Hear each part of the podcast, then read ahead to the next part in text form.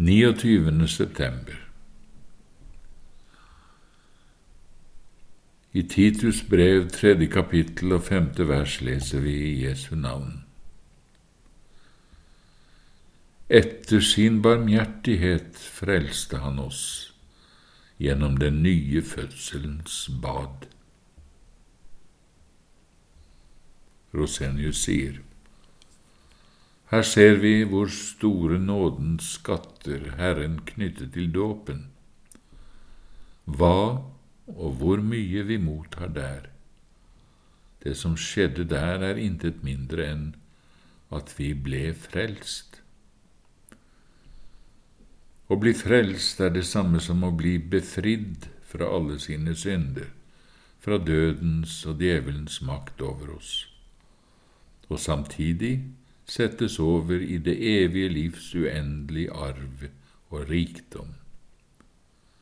På en gang få tilbake all den nåde, det barnekår hos Gud, den ære og herlighet vi ved skapelsen var bestemt til, og som vi mistet gjennom syndefallet, men som Kristus gjennom hele sitt liv og lidelse ja, med sin død og oppstandelse på ny kjøpte oss rettighet til. Og hvor stor Guds evige kjærlige rådslutning til vår frelse har vært. Alt dette ville Kristus knytte sammen med og legge ned i dåpens vann. Slik vil han med et synlig tegn i sin menighet markere hver enkelt som eier av all denne nåden. I dåpen ville Gud gi oss den trøst vi behøver, og hjelpe oss å ta imot Hans store, men åndelige og usynlige gave. Dåpens vann ser svært lite betydningsfullt ut i våre øyne. Likevel det er et uendelig rikt og dyrebart vann. Det er med det som en stor godseier sa om en ubetydelig ring. Den jeg gir, og som tar imot denne ringen, han skal eie meg selv og alt jeg eier. Ringen var i seg selv bare verdt noen titalls kroner, men nå var denne ringen plutselig blitt en særdeles dyrbar ting for nå representerte den ikke lenger bare sin egen lille kroneverdi.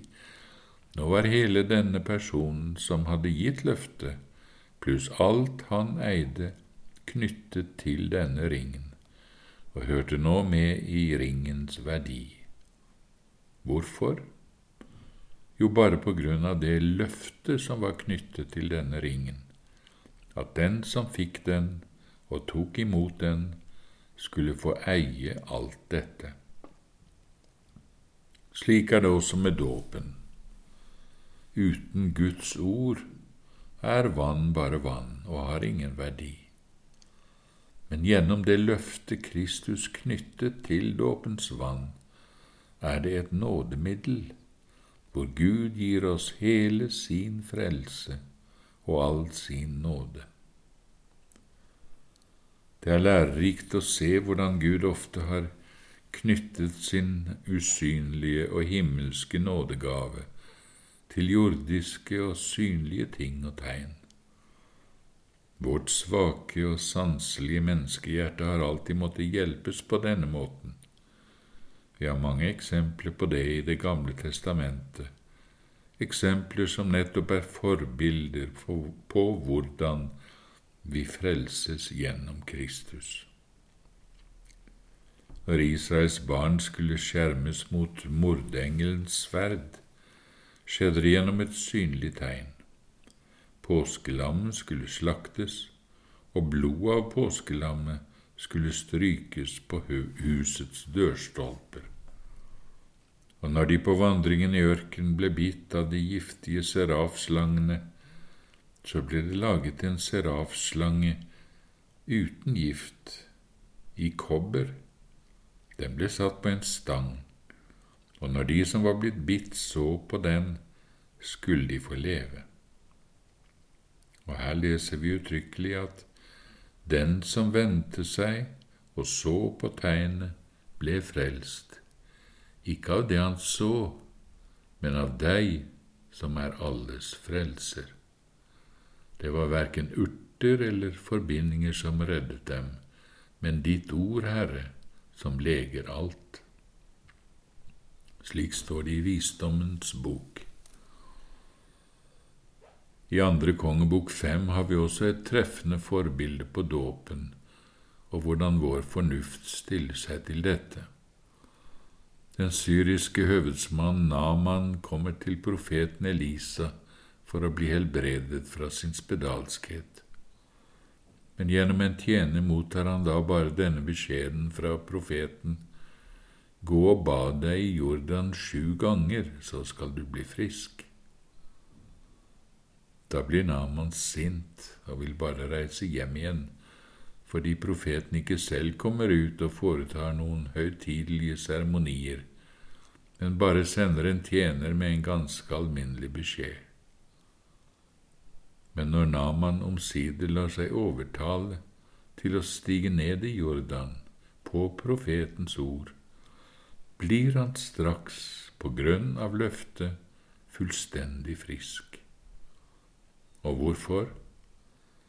Jo, så visst ikke på grunn av noe som helst spesielt med vannet i Jordan, men bare på grunn av løftet som var knyttet til vannet i Jordan. Bad der, så skal du bli frisk. Her ser du et bilde på dåpen, og på oss. Først ser vi bare en enkel ordets tjener forrette dåpen, og det med svært enkle og uanselige midler. Bare vi fikk se Gud selv forrette dåpen i himmelsk høytid, og hørte ham selv tilsi oss frelsen, da ville vi nok tro det. Da hadde det alt sammen stor verdi og stor betydning. Men nå er løftet så gammelt og langveis fra, og nå ser vi ingenting i dette med våre øyne.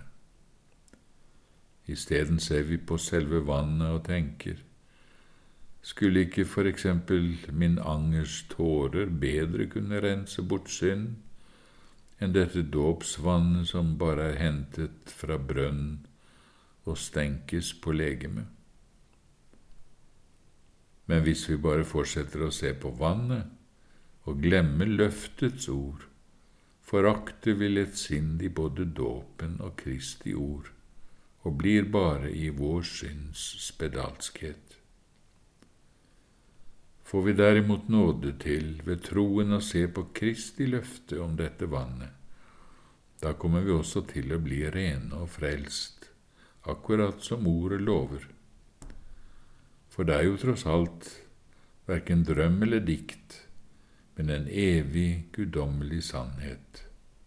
Han kan ikke lyve, han som sa, den som tror og blir døpt, skal bli frelst. Og når denne Herren sier et ord, gjelder jo det tusen ganger mer enn alle våre tanker og meninger. La oss derfor holde øynene klart festet på Herrens ord, uten noe som helst øyekast til siden, for ingenting i hele verden er mer sikkert og pålitelig enn dette.